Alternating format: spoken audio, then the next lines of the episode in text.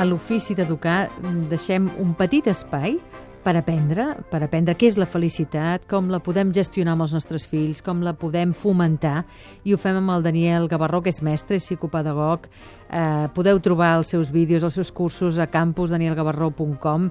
I avui volem parlar d'una emoció que apareix en moltes ocasions davant de notícies fortes com crisis greus, com terratrèmols, com atemptats, com que és, que és la por de l'infant a que succeeixi alguna cosa i que a vegades fins i tot ni tan sols ell expressa, però que podem sentir que alguna cosa passa.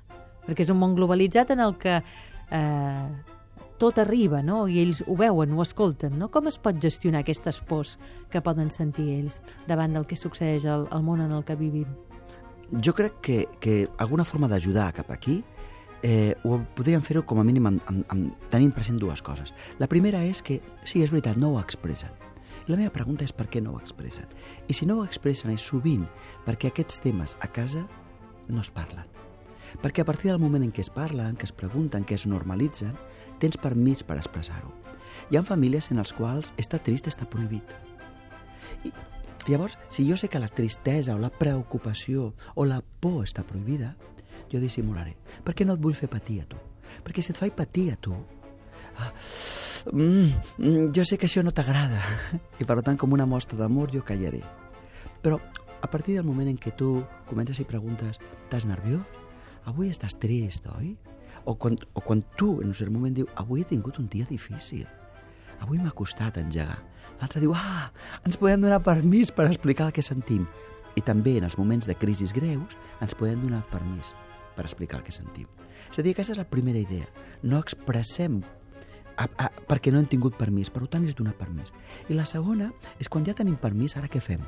No, què fem? Jo crec que com que ja hem posat nom a les coses, necessitem un espai on el nen o la nena pugui verbalitzar i alhora cremar tota l'adrenalina i tot el cortisol, que és una substància que et posa molt nerviós i de molt mala bava, que és física i que ell ha de cremar. I en aquest sentit val la pena de verbalitzar, però també val la pena que facin coses físiques, que corrin, que, és a dir, que, pugui, que cridin, que es moguin, que saltin, i això és molt important perquè baixa el cortisol. Primer hem posat nom, després hem baixat el cortisol, i després, en tercer lloc, el que fem és resituar el tema. On ha succeït això? Quines persones han pogut ajudar? És a prop o és lluny? Si ens passés a nosaltres, quines coses podríem fer? I desdramatitzar-ho. Adonar-se'n de que a totes les situacions sempre hi ha coses que un pot aprendre.